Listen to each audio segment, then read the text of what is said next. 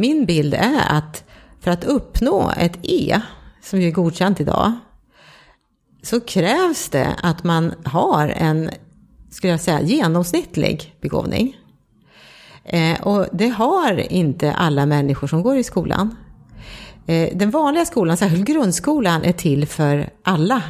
Förutom då de som har en så pass eh, begränsad begåvning att de går i särskola. Men de som har en svag teoretisk begåvning, eh, egentligen har de nog inte förutsättningar att klara ett E, som kraven ser ut idag. Och det har man inte tagit hänsyn till när man har utformat målen.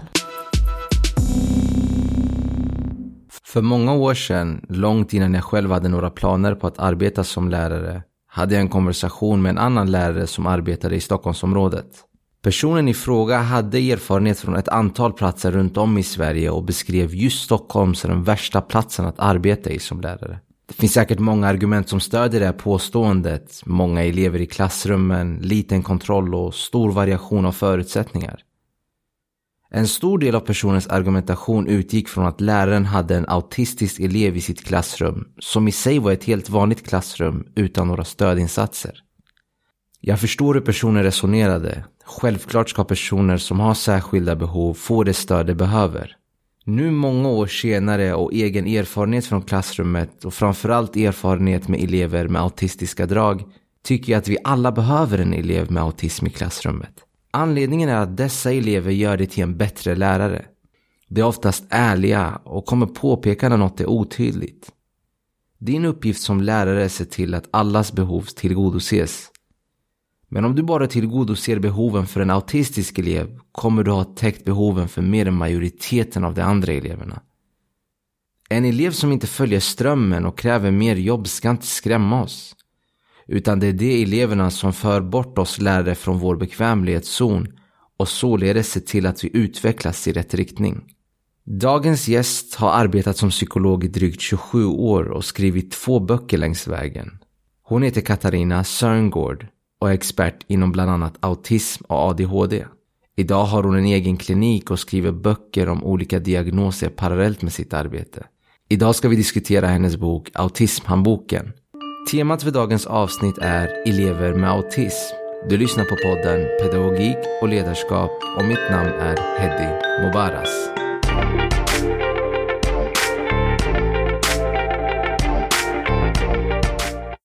Så, Katarina. Hejsan.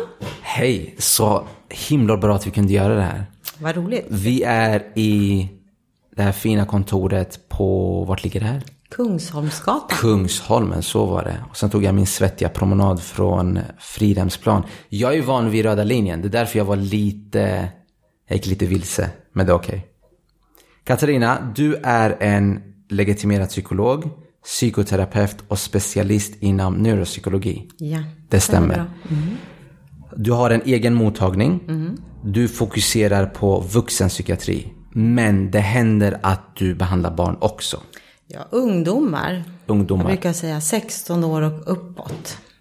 Så du har varit 26 år i gamet, eller hur? Ja, sen 91 eh, har jag varit i gamet. Ett år innan jag föddes. Men då är, det, då är det mycket mer än 26 år. Ja, det stämmer nog. Jag har nog inte uppdaterat min Det var därför. okay. För jag tänkte, har jag glömt bort hur gammal jag själv är? Eh, så du har ju skrivit flera böcker och jag tolkar det som att du är expert inom bland annat ADHD, autism och depression. Jag har... Kan man säga så förenklat? Ja, man kan säga att eh, områden som man, vi kallar utvecklingsrelaterade tillstånd, ADHD och autism hör ju dit, har jag eh, specialiserat mig extra mycket i. Och särskilt kan man säga hur man kan förändra sina beteenden, behandling och de här tillstånden. Det är nog något som jag har fördjupat mig ganska mycket i. Och mina böcker handlar ju om det. Stämmer. Hur hamnar du här? Och, och vad är det som driver dig framåt? Ja, hur jag hamnade här, det, resan hit är ju förstås lång, men vi ska ta en korta, korta resan. Så dels så har jag nog alltid som, så länge jag varit psykolog, varit väldigt intresserad av hjärnan. Det har, det har alltid varit väldigt intressant. Men när jag gick eh, psykologutbildningen för länge sedan nu så var det här något man behandlade väldigt styrmodligt kan man säga. Eh, sen har ju forskningen utvecklats enormt inom det här området. Jag hade möjligheten att få jobba med hjärnskaderehabilitering på 90-talet. Alltså vuxna människor som hade fungerat som vem som helst och sen fått en hjärnskada i vuxen ålder och fått stora svårigheter. Efter kanske trafikolyckor, hjärnblödningar, sådana saker.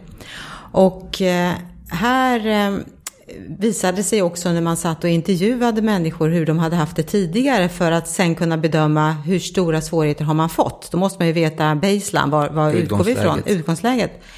Så vart det ju också tydligt att en, en, en del, en, en, grupp människor här och inte en jätteliten grupp faktiskt, hade ju haft betydande svårigheter långt innan det här hände. Och eh, det här intresserade verkligen mig, verkligen mig väldigt mycket och inte bara mig förstås utan många andra också.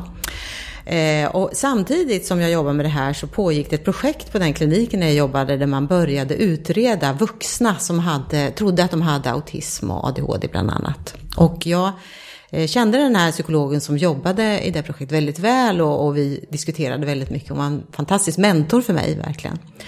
Och det är så det här intresset föddes, att verkligen förstå eh, hur hjärnans utveckling formar en människas sätt att fungera och vad som kan hända också förstås i samband med skador. Men då fick jag upp ögonen för att, jaha, har man ADHD till exempel, då utsätts man tyvärr lättare också för andra skador för att man tar stora risker och då kan sådana här saker hända. Eh, men jag började intressera mig för utvecklingen fram till det här och titta bakåt. Och sen var det så att psykiatrin sökte neuropsykologer eh, i början, ja, år 2000 kan man säga, för då började psykiatrin utreda de här tillstånden. Och då sökte jag mig tillbaka till psykiatrin. Jag hade jobbat där tidigare, men då sökte jag mig tillbaka. Och eh, tyckte och tycker fortfarande att det här är ett väldigt intressant område och det finns oändligt mycket att göra för det är väldigt eftersatt. Då var det otroligt eftersatt. Det fanns väldigt, väldigt lite eh, gjort så att säga. Men det är tyvärr eftersatt fortfarande och särskilt behandling är eftersatt.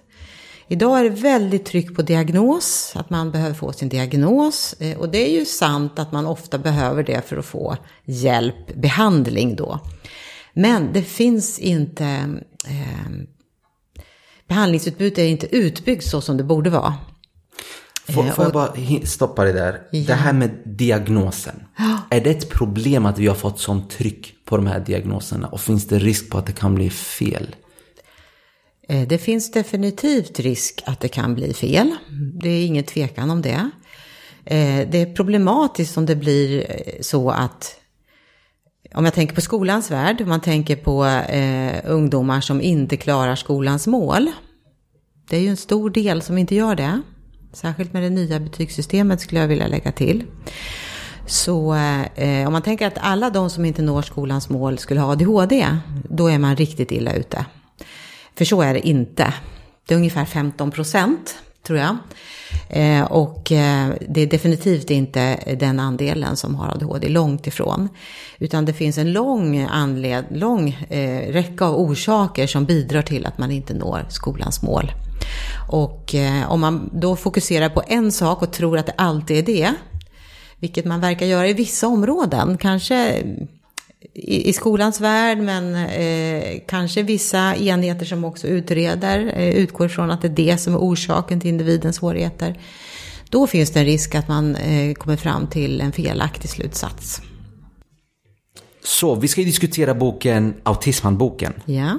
Och jag fick ju upp ögonen för den här för det är ju en väldigt unik titel. Ja, det är det. Och jag har ju blivit, jag är fascinerad av den här diagnosen, eller man kanske ska säga tillståndet. Mm. För jag har väldigt lite kunskap om det. Mm. Mm. Så det var därför jag hörde av mig till dig för att yeah. diskutera just den här boken. Men vem riktar sig den här boken till? Mm. Ja, den riktar sig i första hand till personer som själva har ett autismspektrumtillstånd eller har drag. För man kan ha drag av det här utan att för den skull eh, uppfylla kriterierna för att ha en diagnos. Eh, så. För det definierar man ju ganska specifikt vad som krävs så att säga. Eh, och de dragen kan ju leda till svårigheter, även om man inte har en uttalad funktionsnedsättning så kan det ändå trassla till livet. Och framförallt då eh, ungdomar och vuxna. Sen riktar den sig också till närstående, föräldrar, om man har en partner som har autism och, och så vill man lära sig mer. Men också faktiskt professionella som behöver idéer och tankar kring hur de kan hjälpa personer som har autism. Och då tänker jag ju mycket på mina kollegor, psykologer, socionomer, läkare, andra som behandlar, men också personer som eh, arbetskonsulenter och så. Som eh, kan ha glädje av att läsa den tror jag. Och om vi tar syftet bakom boken. Mm. För jag, jag researchade lite innan jag hittade den här boken och jag provläste några böcker och det är väldigt tungt. Mm. Det är väldigt jobbiga begrepp som mm. kanske jag tappar intresse för jag är inte psykolog. Vad som gjorde att jag fick ögonen var för, den här, var för att den var så lättläst. Mm. Men är syftet med den här och har jag tolkat rätt att det är unikt att man riktar sig till personen som har diagnosen?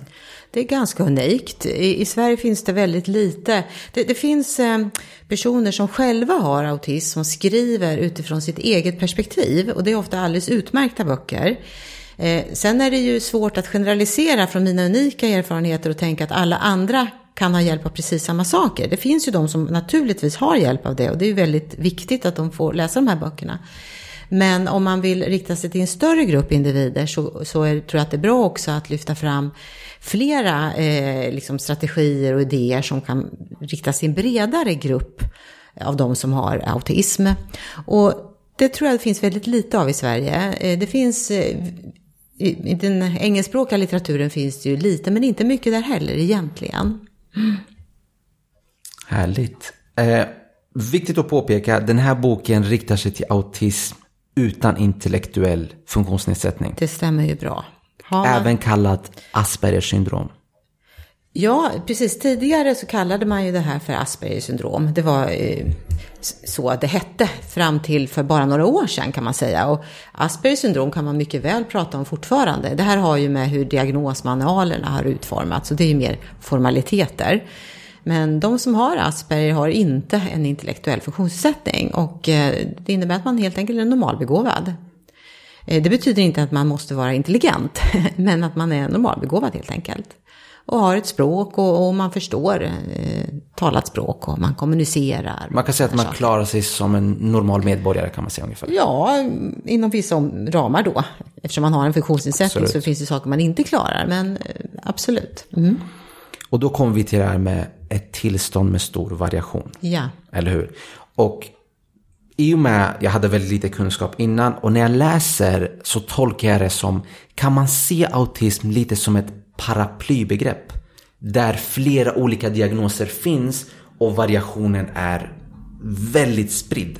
Har jag tolkat det rätt? Absolut, det är ett väldigt heterogent tillstånd alltså. Det är väldigt olika eh, uttryck som autism kan få hos olika individer.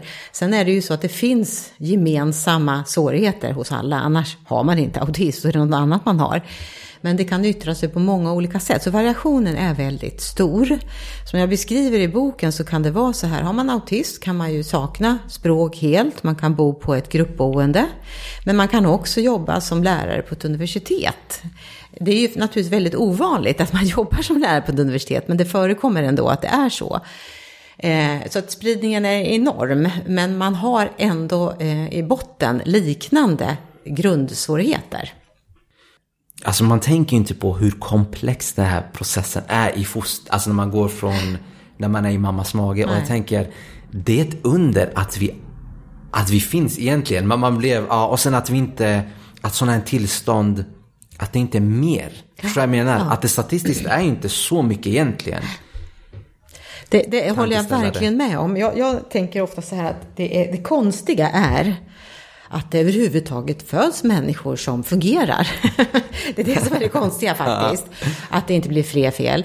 Sen tänker jag också så här att eh, finns det egentligen några normala människor? Eller är det här bara en illusion vi har? Och vad är egentligen en normal människa? För, ja, vad, vad menar man med det här egentligen? Jag tycker det är väldigt intressant. Det har kommit en bok ganska nyligen av en filosof där han djupdyker i det naturliga. Det är något annat och än normalt, men jag tycker det är otroligt intressant att titta på sådana här saker. Eh, för när man ser sig runt omkring så, ja, de allra flesta människor, både som jag har träffat i mitt jobb, men träffat privat i alla tänkbara sammanhang, har ju någon liten knorr någonstans, eller hur? Jag har det, alla jag känner har det. Jag, jag vet inte om det finns människor överhuvudtaget som inte har det. Är, är du helt utan knorrar eller? Nej, jag har väldigt många knorrar skulle jag säga. Men det, ja, och en sak jag tänkte var på trafiken. På tal om knorrar, vi alla har ju någonting och sen kan vi ha det här med att man kanske haft en dålig dag och allt, man kanske är i jobbig period. Att det inte är färre trafik, äh, att det inte är fler trafikolyckor. Ja, visst är det konstigt? Det är helt sjukt. det är jättekonstigt. Tänk dig själv ibland man är stressad, man har bråkat med, ja. Och sen har vi vissa påverkade av någonting. Ja. ja, men det är helt rätt. Det är Men det var en djup fråga det där, vad är normalt? Ja. Det är inte jag i alla fall, så kan vi säga. Långt ifrån. Men ja, och sen jag tycker en rad som beskriver autism väldigt bra var Många med autism upplever att det är fyrkantiga klossar som andra försöker pressa ner i runda hål. ja, så är det. Kan du utveckla det lite grann? Ja, har man autism så har man ofta från ganska tidig ålder upplevt ett eh, annorlundaskap. Det kan alla människor uppleva ibland, det är normalt. Men ett ganska djupgående annorlundaskap där man eh, inte förstår vad som pågår. Eh, det är som om det händer något man inte kan se, som andra kan se. Och man förstår inte riktigt vad det är och eh, då blir man väldigt borttappad. och, och eh, Eh, så ska man helt plötsligt göra någonting som man själv upplever som fullständigt omöjligt. Det går liksom inte att göra det, men alla andra kan göra det. Och läraren kräver mig av att jag ska göra det, men jag, jag kan bara inte. Det går inte. Och det där att man förväntas klara av saker som är omöjligt för en. För att omgivningen är ju inte anpassad för människor med autism. För att de är ju inte i majoritet helt enkelt, de är i minoritet. Och de måste då lära sig hantera att ständigt vara i minoritet. I ett land där de kanske vare sig förstår språket eller kulturen. Och det är inte lätt. Och ändå krävs det bara av dem, helt självklart. Ja, alltså det är ju så bra det du säger för när jag läste den här boken, det blir ju speciellt, vi kommer komma in på de här centrala, kan man kalla det symptom? Ja, det kan man väl göra. De här centrala symptomen att det måste vara jättejobbigt. Alltså det måste vara ibland, jag tänker klassrumsklimat, det där jag är van. Jag tänker vissa saker jag har gjort måste ju varit jättejobbigt mot någon som kanske har det här. Det kan vara små saker för mig. Ja, visst. Det kan, för jag hade till exempel, det finns ju ett problem i Sverige nu med ordning och reda i klassrummet. va? Det är inte barnens fel. Det är, det är vi vuxna som har gjort bort oss på många olika plan. Det behöver vi inte gå in på. Men jag tänker bara, om du är en person med autistiska drag eller till och med har autism i ett klassrum, måste vara hemskt. Det måste vara helt ut sagt hemskt när det är så här rörigt. Jag hade en elev en gång, ett, personen hade ett antal diagnoser, men jag vet inte om autism var... jag- Personen hade autistiska drag, så kan vi säga. Jag kommer ihåg en incident, det var ju anarki i klassrummet.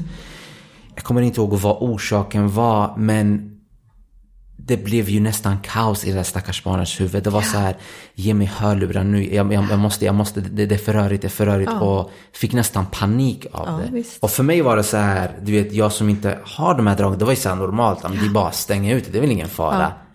Och där tror jag många hamnar. Ja, så är det verkligen.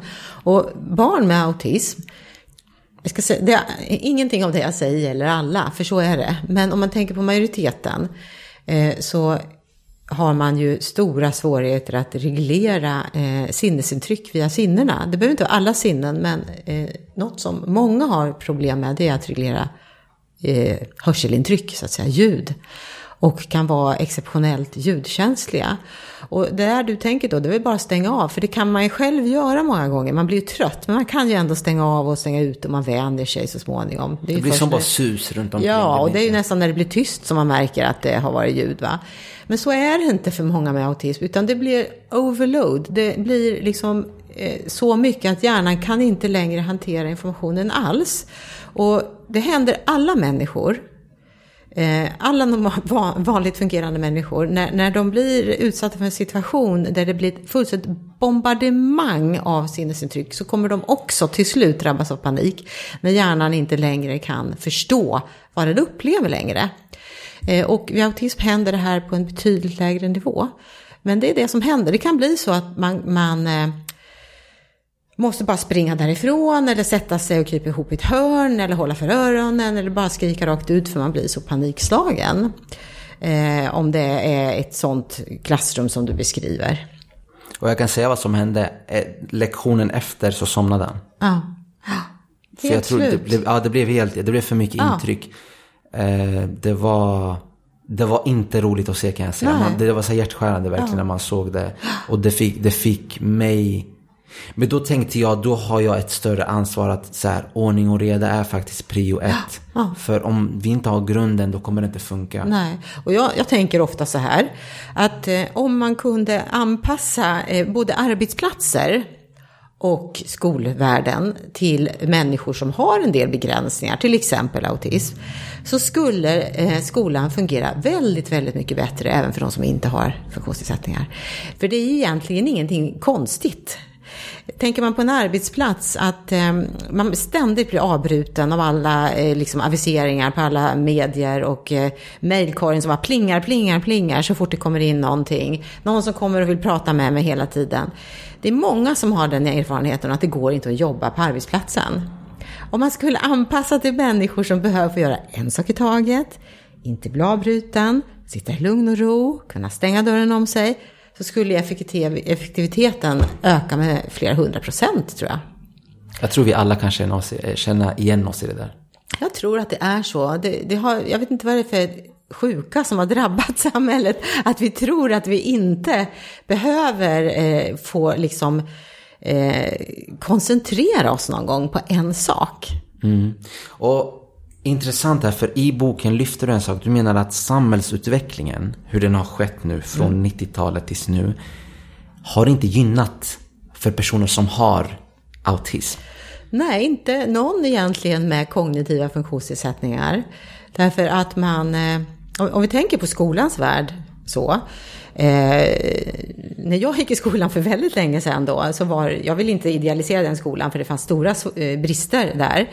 Eh, men eh, det var också bestämt eh, vad man skulle läsa vad man skulle uppnå och det gick att uppnå det. Läste man det man fick serverat för sig och tog det på allvar så var det, om man var normalbegåvad, inga större svårigheter att lära sig sakerna om, om läraren också hade undervisat om det.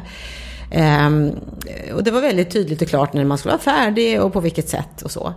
Ehm, Idag så ligger ju ett enormt ansvar på individen själv att räkna ut vad man ska läsa. Och kommer vi upp lite på högstadiet och gymnasiet så eh, på gymnasiet är det ju enorma eh, krav på att individen själv ska ut på nätet och leta reda på information om väldigt, väldigt komplexa ämnen. Ehm, som liksom religionens utveckling genom eh, tiderna eh, utan särskilt mycket guidning och kunna ta ställning till om det här är seriösa källor eller inte utan att ha den minsta kunskap från början. Är man forskare så kan man leta efter och söka efter information för man har så mycket kunskap som man kan avgöra det här. Men utan egen kunskap skulle jag vilja säga att det är ju en illusion, det går faktiskt inte att göra så. Och så ska man analysera på en väldigt hög nivå självständigt hemma. för man hinner inte i skolan eller man kan inte för det är för mycket, det är för mycket röra. Och eh, jag tror att det är väldigt, väldigt svårt att klara det där utan föräldrars guidning för en stor del av eleverna idag. Och då bygger det på att man har föräldrar som är högutbildade eller har tid och ork och så här, kan sitta och guida henne och hjälpa henne och så. Eh, och det gäller ju eh, även elever som har stora intellektuella resurser och eh, väl serverat runt omkring sig utan några specifika svårigheter alls. Mm. Och det här klarar man, det är otroligt svårt, om inte omöjligt, om man har kognitiva funktionsnedsättningar och fungera i en sån, med, med de kraven. Då blir ju inte skolan likvärdig för alla. Det är långt ifrån idag. Kan bara hålla med faktiskt. Min bild som nu inte är lärare men har haft för några år sedan ändå barn som har passerat gymnasiet. Det är ett tag sedan, men de har gjort det. Och man får ju lite inblick också. Sen träffar jag ju många patienter som går, eh, eller har gått, som har slutat för man klarar det inte, det går liksom inte. Mm. Jo, att eh, min bild är att för att uppnå ett E, som ju är godkänt idag, så krävs det att man har en, skulle jag säga, genomsnittlig begåvning. Eh, och det har inte alla människor som går i skolan. Eh, den vanliga skolan, särskilt grundskolan, är till för alla. Förutom då de som har en så pass eh, begränsad begåvning att de går i särskola. Men de som har en svag teoretisk begåvning, eh, egentligen har de nog inte förutsättningar att klara ett E, som kraven ser ut idag. Och det har man inte tagit hänsyn till när man har utformat målen. Det var intressant. Okej, okay, som jag tolkar det, du menar att det kanske borde finnas något däremellan. Att vi har först den här normala, eh, nu använder jag ordet normala, men vi har vår läroplan. Och sen har vi den här för särskola, att det är ett mm. stort gap däremellan. Ja, det är det. Och jag tänker inte att man ska ha en särskild skola för de barnen, utan lära, läroplanen, undervisningen, måste anpassas så att de också kan klara ett E utan att behöva eh, gå i en väldigt liten specialgrupp med jättemycket extra stöd. Det är klart att de kan behöva extra stöd och det ska de ha. Men undervisningen måste se ut på ett sådant sätt att de har möjlighet att klara ett E. Utan att sitta hemma med, lärare, med föräldrarna och jobba varenda kväll med att uppnå betygs, betygskriterierna. Det är klart att de ska plugga, det måste de, och förmodligen hårdare än många andra. Men eh, det måste vara möjligt. Och jag vet inte om det är riktigt så. Jag tror man har glömt eh, hjärnan när man har utformat eh, de här betygskriterierna. Och de har väl fått ganska mycket kritik också. Ja, det får de varje gång. Eller hur? Ja, det får de varje gång. Ja. Ja. Men pratar du då om att man ska sänka kraven? Eller att man ska utforma dem på ett annat sätt? Man behöver utforma dem på ett annat sätt och sen ge eh, adekvat undervisning så att man kan nå dem. Intressant. Mm. Många hade väl nog argumenterat emot och sagt att det finns inte resurser för det. Ja, men då måste man ju se till att det finns resurser. Det här är ju en skola för alla. Vi har det skolsystemet och det tycker jag är otroligt viktigt att vi har en skola för alla. Eh, och då måste även de med svag teoretisk begåvning kunna gå i den skolan. Faktiskt. Det är lite kaotiskt kring skolan just nu. Jag tror alla är förvirrade på ett eller annat sätt. Jag tror inte vi riktigt har koll på någonting skulle jag säga nästan. Alltså man är väldigt, eh, det är väldigt spritt. Och mm. vad jag blir arg på är, eh, det var, vem var det som sa det? Jag hade en annan intervju, Alf var det, Alf, just det. Han, vi hade liknande tankar där kring, varje gång det kommer ett nytt parti så ska de lägga sina idéer. Okej? Okay? Mm. Och det är, så på fyra år försöker de klämma in så mycket som möjligt. Mm. Så kommer nästa och de gör samma sak och det blir bara massa oreda. Mm. mm. Och då kanske inte just det du pratar om faller in där under. Mm. Så är det. Man ska tänka på att ungefär 15 procent av alla barn i en årskurs i det här landet och i alla länder har en svag teoretisk begåvning. Det är mycket 15 procent. Ja, och hur många är det som går ut med ofullständiga betyg? Det är väl där omkring, är det inte det? Ja. Vad tror du att det beror på?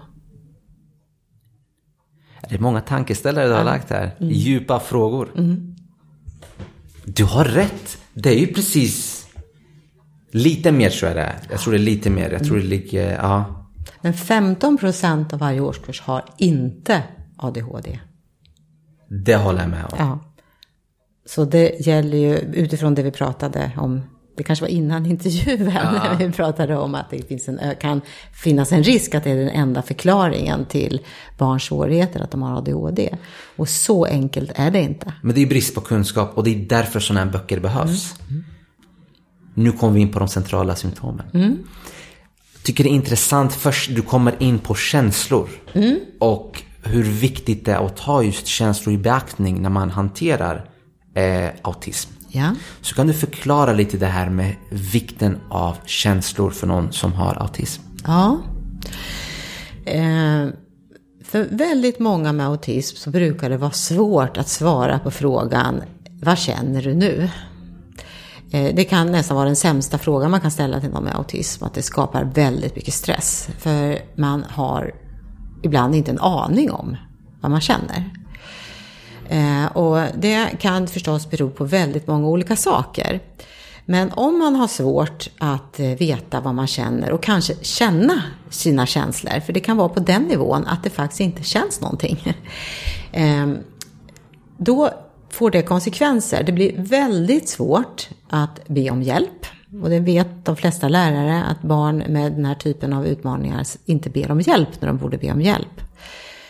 Ehm, och det blir väldigt svårt att välja, fatta beslut. För i alla valsituationer och beslutssituationer, beslut är ju ett slags val, så är den känslomässiga komponenten helt avgörande för att jag ska kunna fatta ett beslut. Det vet man genom, ehm, det finns mycket forskning på det.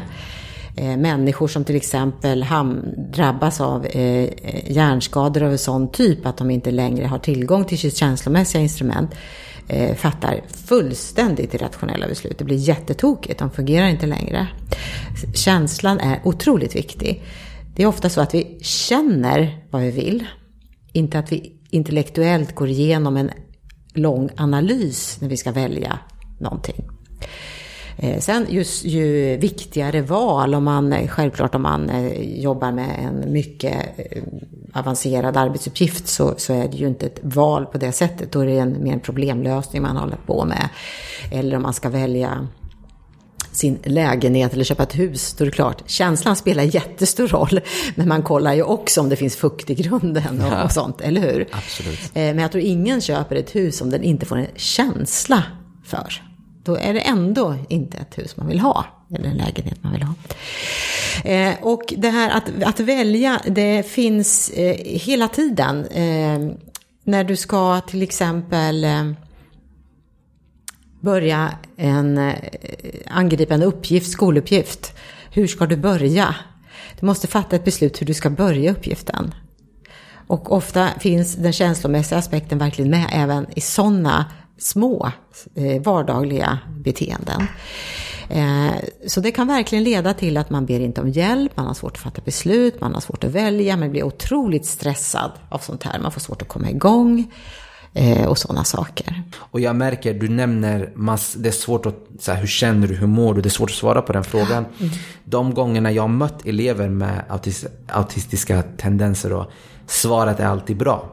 Mm. Och det, jag man räknar ut det väldigt snabbt att det här är något de har tränat in. De har sett andra alltid svara bra. Så jag kommer, det spelar ingen roll hur dåligt jag mår, jag kommer alltid bara säga bra. För ah. då kommer läraren låta mig vara i princip. Då får jag vara i fred. Då får jag vara i fred, vilket är jätteviktigt för personer med autism. Ja, säg att det är jobbigt. Det är ju en inträdesbiljett till att fråga oh, mer. Det blir en bara konversation. jobbigt. Ja, då, jobbigt. Nej, det där vill jag inte. Ja. Då blir det ju följdfrågor på mina känslor. Absolut. Sen är det väl så vi gör lite vart till mans va? Vi träffas, hur läget? Jo, det är bra. Mm. Jo, absolut. absolut.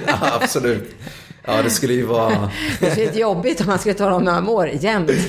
jag hade något skämt om det. Jag, eh, jag har på ICA, det finns alltid en trevlig kille som alltid frågar hur jag mår. Och det, det är unikt ja, i Sverige. Så det skulle vara kul om jag bara, vet du vad, jag mår skit. Ja. Alltså jag mår skit. Var, undrar vad hans svar skulle vara då. Ja. ja. Gör ett experiment. Ja, det ska jag faktiskt göra någon gång. Jag tror... Eh,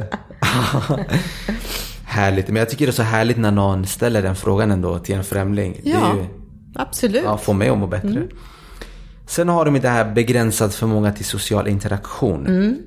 Väldigt intressant där. Det handlar om att de har svårt att samspela med andra. Ja. Och hur kommer det här till uttryck för barn då? Alltså vi kanske kan ta unga vuxna. Mm. Hur ser det här ut? Mm.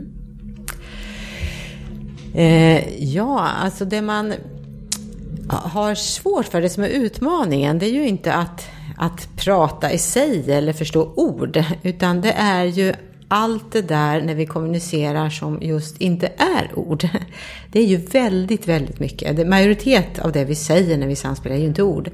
Utan det är eh, kroppsspråk, mimik, gester, intonation, prosodi, allt sånt. Men kanske allra mest sammanhanget som det sägs i är fullständigt avgörande för hur det ska uppfattas. Och för de som pratar, för de som inte har autism som pratar, så finns det väldigt mycket av, eh, man tar för givet att den andra förstår sammanhanget. Det, vi tänker inte ens på att det är så när vi pratar. Det är bara så självklart. Det är en intuitiv kommunikation. Eh, och eh, för någon med autism så är, kan, kan det vara så att det man uppfattar är det som sägs, bokstavligen. Eh, och det är ju ofta långt ifrån vad som menas. Eh, och särskilt kanske tonåringar, där oerhört mycket av deras samspel går ju egentligen ut på att göra intryck på varandra, positionera sig socialt i en grupp, och sociala statusen. Och det är alltså inget fel, det är helt normalt, det är så det är att vara tonåring. Det är en del i vuxenblivandet att göra så här.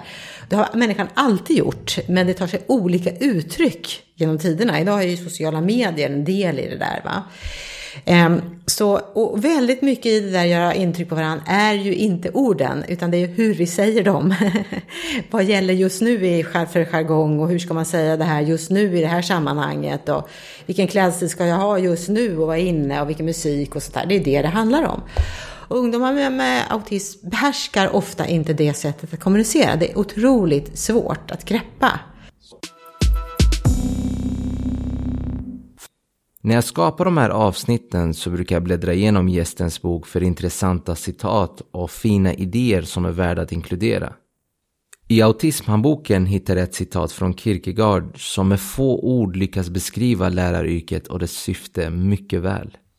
Om jag vill lyckas med att föra en människa mot ett bestämt mål måste jag först finna henne där hon är och börja just där. Den som inte kan det lurar sig själv när hon tror att hon kan hjälpa andra. För att hjälpa någon måste jag visserligen förstå mer än hon gör, men först och främst förstå det hon förstår. Du var inne lite på det här svårigheter att kunna tolka och använda icke-verbal kommunikation. Mm. Problematiska blir ju, jag tänker på min egen undervisning, mm. väldigt mycket på sättet jag är handlar om mitt kroppsspråk och min ton. Mm. Till exempel, jag gillar ju att använda eh, en strategi är om jag märker att folk pratar, jag avbryter mig själv för att markera, men nu stör du och nu pratar du när jag pratar och det är inte okej. Okay. 99% av fallen funkar det. Men det kan vara någonting som en person med autism kanske inte plockar upp. Mm. Tänker bara att man kanske hade ont i halsen och slutade prata eller kanske inte förstår mm. bakomliggande syftet bakom det. Mm. Så jag tänker för en lärare mm. i ett lärarklimat, jag vet ju att det är inte exakt det du jobbar med, men hur kan vi jobba för att förenkla eh, tolkningen av mina icke-verbala, eh, min icke-verbala kommunikation? Mm, mm.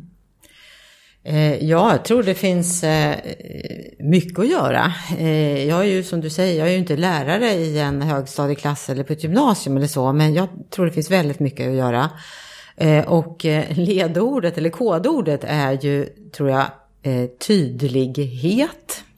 Och vara väldigt tydlig med vilka förväntningar man har och vara närmast bokstavlig. Man kan inte vara för tydlig, något jag har lärt mig verkligen. Och gärna att använda sig också av visuell kommunikation. Att man så att säga man skriver på tavlan man har en tydlig plan för lektionen som man kanske skriver upp så att den syns på tavlan. Man kanske till och med, om, om det går, bestämmer hur många minuter ska vi gå igenom det här. Eh, sen så ska ni jobba med den här uppgiften i så här många minuter och efter det så ska vi samla in grejerna och sen ska vi jobba med det här så många minuter.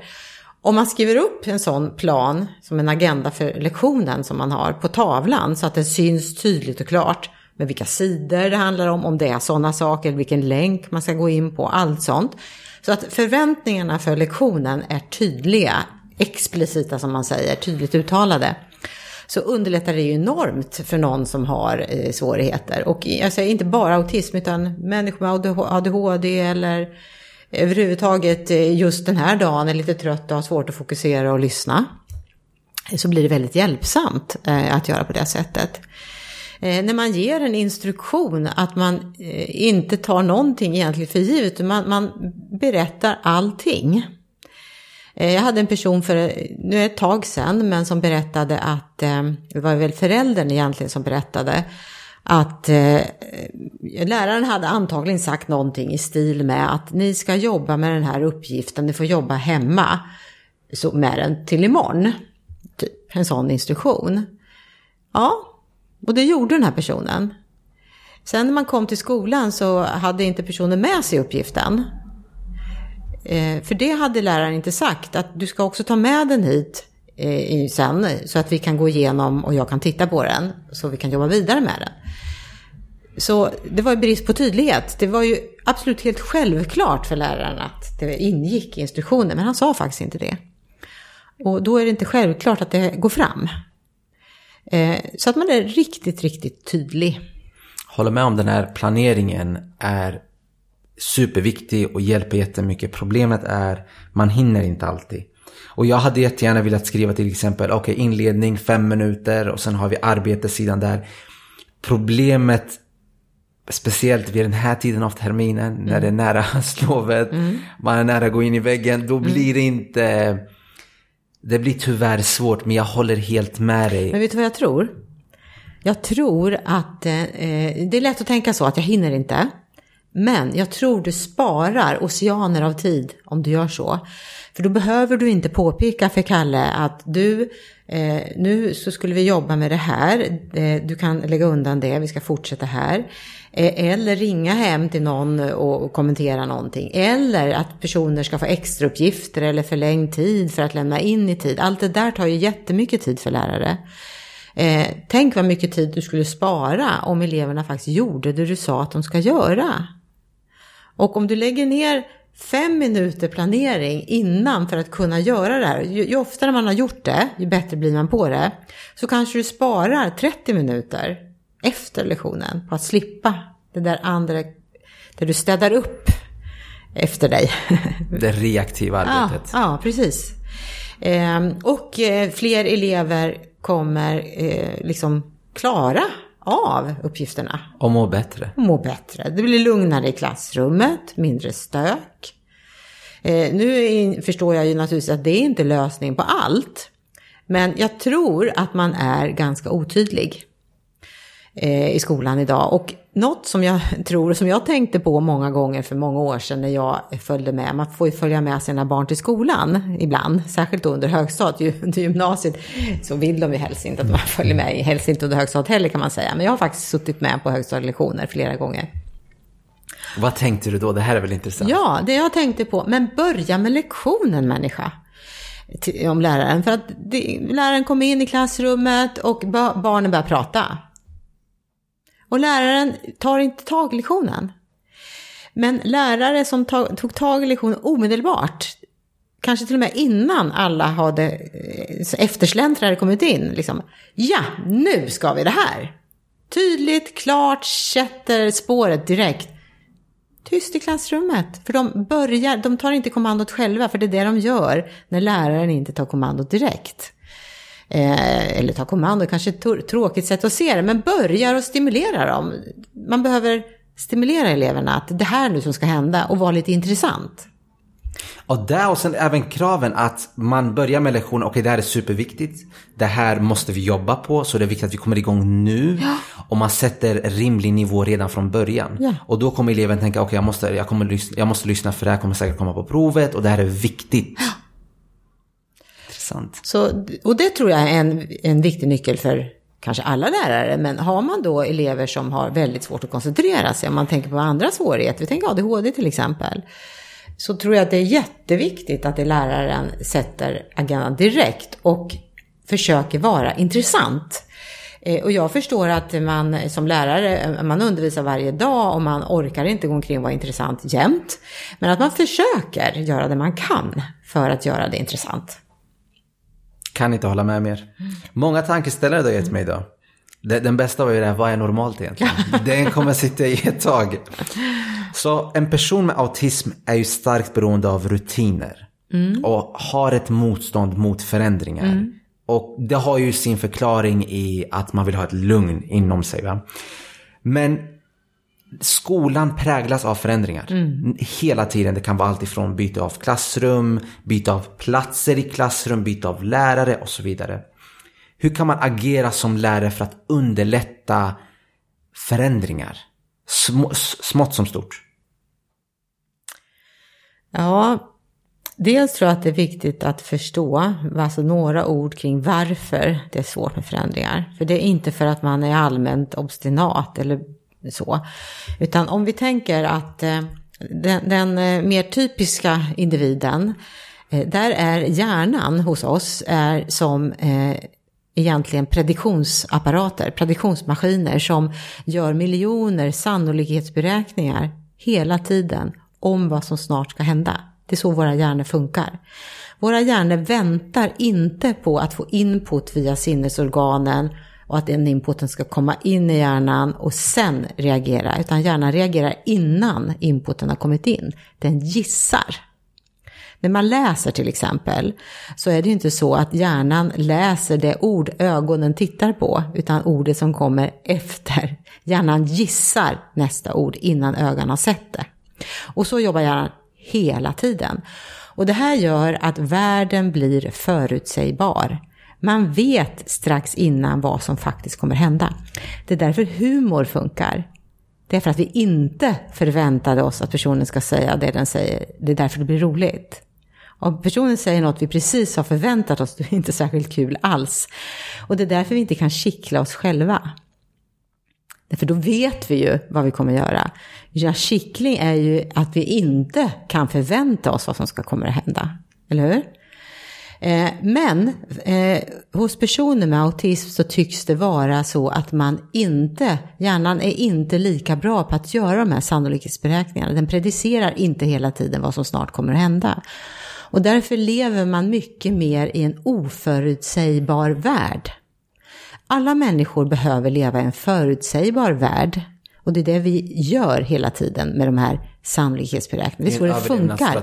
Ja, det är så hjärnan funkar. Vi hade ju egentligen gått under annars, för då hade vi ju inte reagerat tillräckligt fort på faror. Kan man säga, va? Vi reagerar innan det har hänt. Så. Eh, men vid autism så, så, är hjärnan mindre vass på det här. Det är ju inte det att det inte alls sker. Det är inte antingen eller, men det sker inte lika Eh, i lika stor utsträckning. Och då lever man i en oförutsägbar värld och då behöver man skapa förutsägbarhet och det gör man genom att göra på samma sätt varje gång.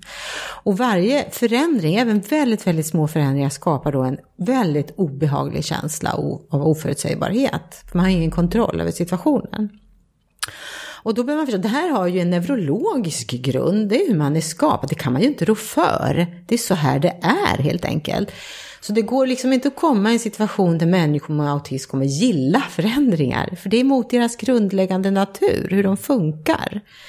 Eh, och det måste man förstå och man måste tillrättalägga så att det blir så få förändringar som möjligt för de här personerna.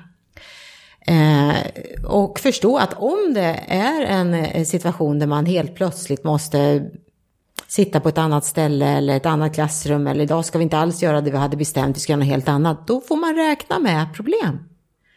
För det går inte. Precis lika lite som man kan förvänta sig att någon som är blind helt plötsligt ska klara av att se. Det kommer ju inte hända. Bara för att jag ställer högre krav kommer inte personen kunna se bättre.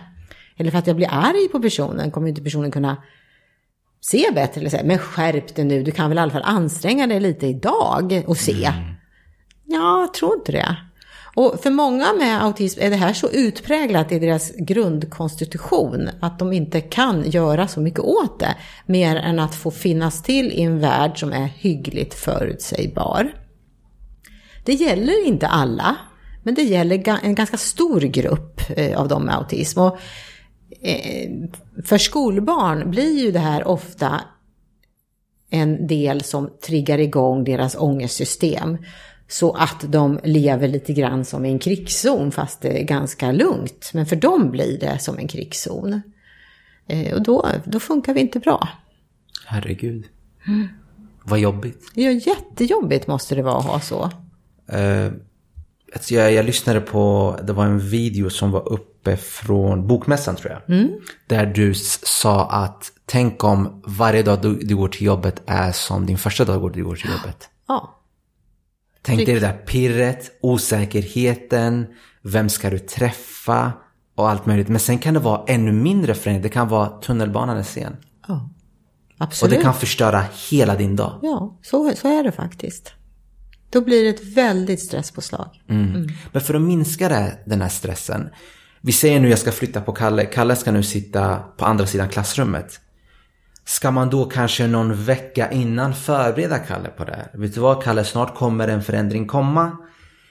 Finns det risk att Kalle då bygger upp någonting stort i huvudet att det blir för jobbigt?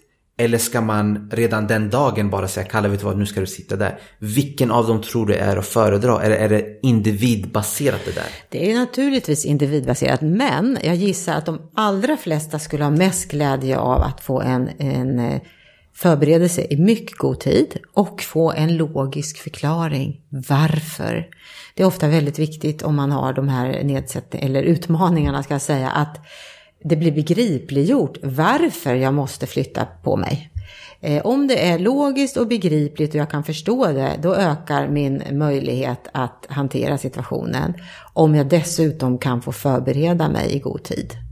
Eh, så det tror jag, att förbereda i god tid och ge en logisk rimlig förklaring. Och det är en bra grund faktiskt, för har man ingen logisk och rimlig förklaring, då kanske det är bättre att låta bli den förändringen. En sista grej jag vill ta upp och det är det här med bekvämlighetszoner. För, för det här är ju... Man kan förstå varför de hamnar i de här bekvämlighetszonerna och det är kopplat till det att man vill, man vill kunna förutse vad som händer. Men hur kan jag, för en viktig del i livet är ju att komma ut de här bekväm, det är så vi utvecklas när vi kommer ut helt utanför. Vad kan jag göra för att en elev med autism tar ett pyttelitet steg utanför den här bekvämlighetszonen? Hur kan jag underlätta för den? Mm.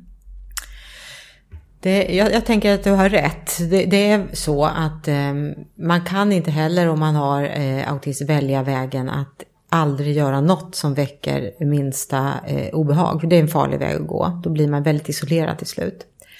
Eh, sen kan det finnas individer som har så stora svårigheter att det finns inget alternativ. Så, så kan det vara. Men eh, för många så är det så att man behöver ändå våga utmana sina gränser. Och då tror jag ju att eh, en sak är, det vi var inne på, att man förbereder personen i god tid på vad som kan hända och ger begripliga motiveringar till det. Det är viktigt. Jag tror många lärare gör inte det och det blir helt obegripligt för individen varför de ska göra vissa saker. Och jag tror en del lärare kan också känna att Åh, ska jag behöva svara på det här igen också? Det är ju så självklart vad vi ska göra, jag hinner inte. Och, och att man känner att det blir tjafs. Men det är inte för att tjafsa eleven frågar tror jag, utan för att man faktiskt vill veta och förstå. För om man vet och förstår så är man mycket villigare att testa saker. Med goda motiv så kan man få folk att våga. Om man dessutom är respektfull och, och visar personen värme och uppmuntran att åh vad bra att du kunde göra det här. Du ska se att det här, det här kommer verkligen att bli riktigt bra. Vi försöker eh, och testar det här igen och, och verkligen uppmuntrar personen och respekterar även om det blir riktigt dåligt. Man lyckas inte kanske, men att även möts med mycket respekt. Eh, så tror jag att chansen är mycket större att man vågar. Och något som är livsfarligt är ju förstås att ha elever i klassrummet som hånar. Det finns inget som är så farligt. Eh, Det är många som har blivit märkta för livet av klasskompisar som hånar en under en lektion. Och det är lärarens ansvar att ta tag i det där. Absolut, det får inte hända så att säga. Jag, jag förstår och jag vet att det händer och jag förstår och vet att lärare kan inte kontrollera allt. Men man ska göra sitt yttersta för att de eleverna inte får bete sig på det här sättet. Där är jag lite emot. Läraren kan visst göra exakt allt. Läraren sätter kulturen i klassrummet. Ja, okej. Det är bra, jag, är glad att höra det. Jag tänker att det kan vara svårt. Eh, Det är säkert inte lätt, inte att, lätt. att få till det. Men, men det är ver- verkligen viktigt. Och det egentligen vet alla vuxna människor det här. Det finns ingen lärare som tycker om när den ska dra, berätta om någonting på en konferens med sina kollegor, att någon sitter och hånskrattar i, i kollegiet. Det- Vi behöver bara gå till oss själva. Och under uppväxten så är vi mycket, mycket mer sårbara. För det identiteten sätts, vi formas här. Det blir väldigt obehagligt. Så att det är ju otroligt viktigt helt enkelt. Eh, så att locka individen att våga. Eh, det kan ju vara så att det kan vara lättare att göra det i, eh, under vissa omständigheter, kanske i en lite mindre grupp under vissa omständigheter beroende på vad det är för sammanhang och så här. Men går det att träna upp förmågan att ta små kliv själv? För eleven kommer ju snart ta examen, jag kommer inte vara kvar i dens liv. Kan man träna upp den förmågan att, vet du vad, du måste våga ta små pyttesmå steg och utmana dig själv. Går det? Jag tänker om, om utfallet blir bra, att personen känner, inte bara tänker utan känner att ah, det här var ju inte så farligt. Det här var ju lite kul eller lite intressant eller den här läraren gillar ju mig. Eh, mina klasskompisar tyckte det jag gjorde var bra. Jag fick till och med en applåd. Alltså, då får man en känsla att det här gick bra. Det behöver man ju få. Då tror jag ju att eh, då lär man sig, oj, det här kan leda till en skön känsla. Eh, det tror jag man behöver få uppleva och då tror jag att man kan våga ta ett nytt steg. Många positiva erfarenheter gör nog att man vågar ta fler sådana steg. Men om det bara leder till negativa erfarenheter mm. så kommer man ju inte göra det. Så konsekvenserna kommer bli väldigt avgörande för om man vågar göra det igen. Så det, det, det, måste vara rätt balanspunkt så att mm. säga. Lagom utmaning där jag har förutsättningar att lyckas. Så små steg. Blir ett för stort steg så att jag faller och gör bort mig, då kommer jag ju inte göra om det. Va? Så att det ska vara jag ska klara det nästan. Där. Det ska vara precis rätt utmaningsnivå. Va? Intressant. Mm. Nu kommer jag avsluta med mina två frågor. Mm. Nu vet jag att du inte är lärare, mm. men det kan vara intressant att veta vad du tycker. Mm. Och vad innebär pedagogik för dig? Vad innebär pedagogik för mig? Ja, jag tänker att det rör sig om att eh, förmedla eh, kunskap, information som man själv har Eh, på ett sådant sätt att mottagaren kan ta emot det och förstå det och göra det till sitt. Eh, det tänker jag är en konstart att kunna det.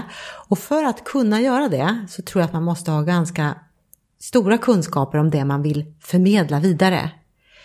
Eh, och i det ingår att man behöver förstå vad den mottagaren behöver för att kunna Eh, ta emot den här kunskapen och göra den till sin. Eh, och eh, det är en utmaning som lärare, för de som sitter i klassrummet har ju olika förutsättningar att ta emot och göra kunskapen till sin. Men då tror jag att det är bra med en del sån kunskapsinformation som vi pratat om idag. Att man kan försöka göra sig intresserad av hur människor med olika utmaningar behöver få saker presenterat för sig för att kunna göra den till sin. Eh, och det tycker jag är pedagogik, i, i kärnan av pedagogiken. Intressant. Så. Och vad innebär ledarskap för dig? Egentligen har jag ganska svårt för de där orden ledarskap. Det är så mycket blaha blaha i den där, tycker jag, ledarskapsvärlden faktiskt. Det finns så mycket myter och så. Eh, men eh, Ja, jag tänker, det beror på ledare också i vilket sammanhang. Men du tänker på ledarskap i klassrummet kanske, eller vad tänker Bland du? annat eh, ledarskap när man möter ungdomar med autism till exempel. Ledarskap i samhället i allmänhet kan det också vara. Inte så mycket näringsliv och sånt, jag intresserar mig inte så mycket av det. Men så här, samhället, människor och så vidare. Ja, alltså ledarskap, när jag då tänker på det fullständigt ovetenskapligt så tänker jag nog att det är en person som kan vara en, eh, en förebild för eh, de eh, personen ska leda. Eh, så om man till exempel eh, eh, vill att eleverna i klassrummet ska vara respektfulla, eh, lyssna på varandra, eh, göra sina uppgifter och så vidare. Då gör man så själv och visar med sitt eget beteende. Man pratar inte om det, man visar med sitt beteende hur man gör. Och att man kan eh, entusiasmera folk att göra det som de behöver göra, att få det att verka intressant verkligen. Och att man ger mycket eh, liksom eh, som vi psykologer säger, att man förstärker. Alltså man, man gör det till en positiv upplevelse så att det känns att det här var verkligen, jag gjorde något himla bra när jag gjorde det här. Så att eh, mycket av den varan, mycket mer än kanske eh, att förbjuda saker, mm. att man inte får ha keps i klassrummet och sätta en massa regler så. Sen måste man ha regler, det är självklart. Men jag tycker det är viktigare med det här andra. Eh, och jag tror faktiskt eh, att det är det som egentligen har betydelse för om man blir en ledare eller inte. Jag tror man eh, får den respekt man förtjänar. Väldigt mycket. Kan jag inte hålla med mer. Tusen tack att du ville vara med. Tack för att jag fick komma. Jag och min medproducent Jonas Edlund vill tacka dig för att du har lyssnat på ytterligare ett avsnitt av podden. Är du en ny lyssnare rekommenderar vi att du prenumererar i din poddapp och följer sidan Pedagogik och ledarskap på Facebook. Och jag vill även tacka Katarina som deltog i dagens samtal. I fortsättningen kommer podden att även ges ut i videoformat och delas via Youtube och min Facebook-sida. Vi ses snart igen.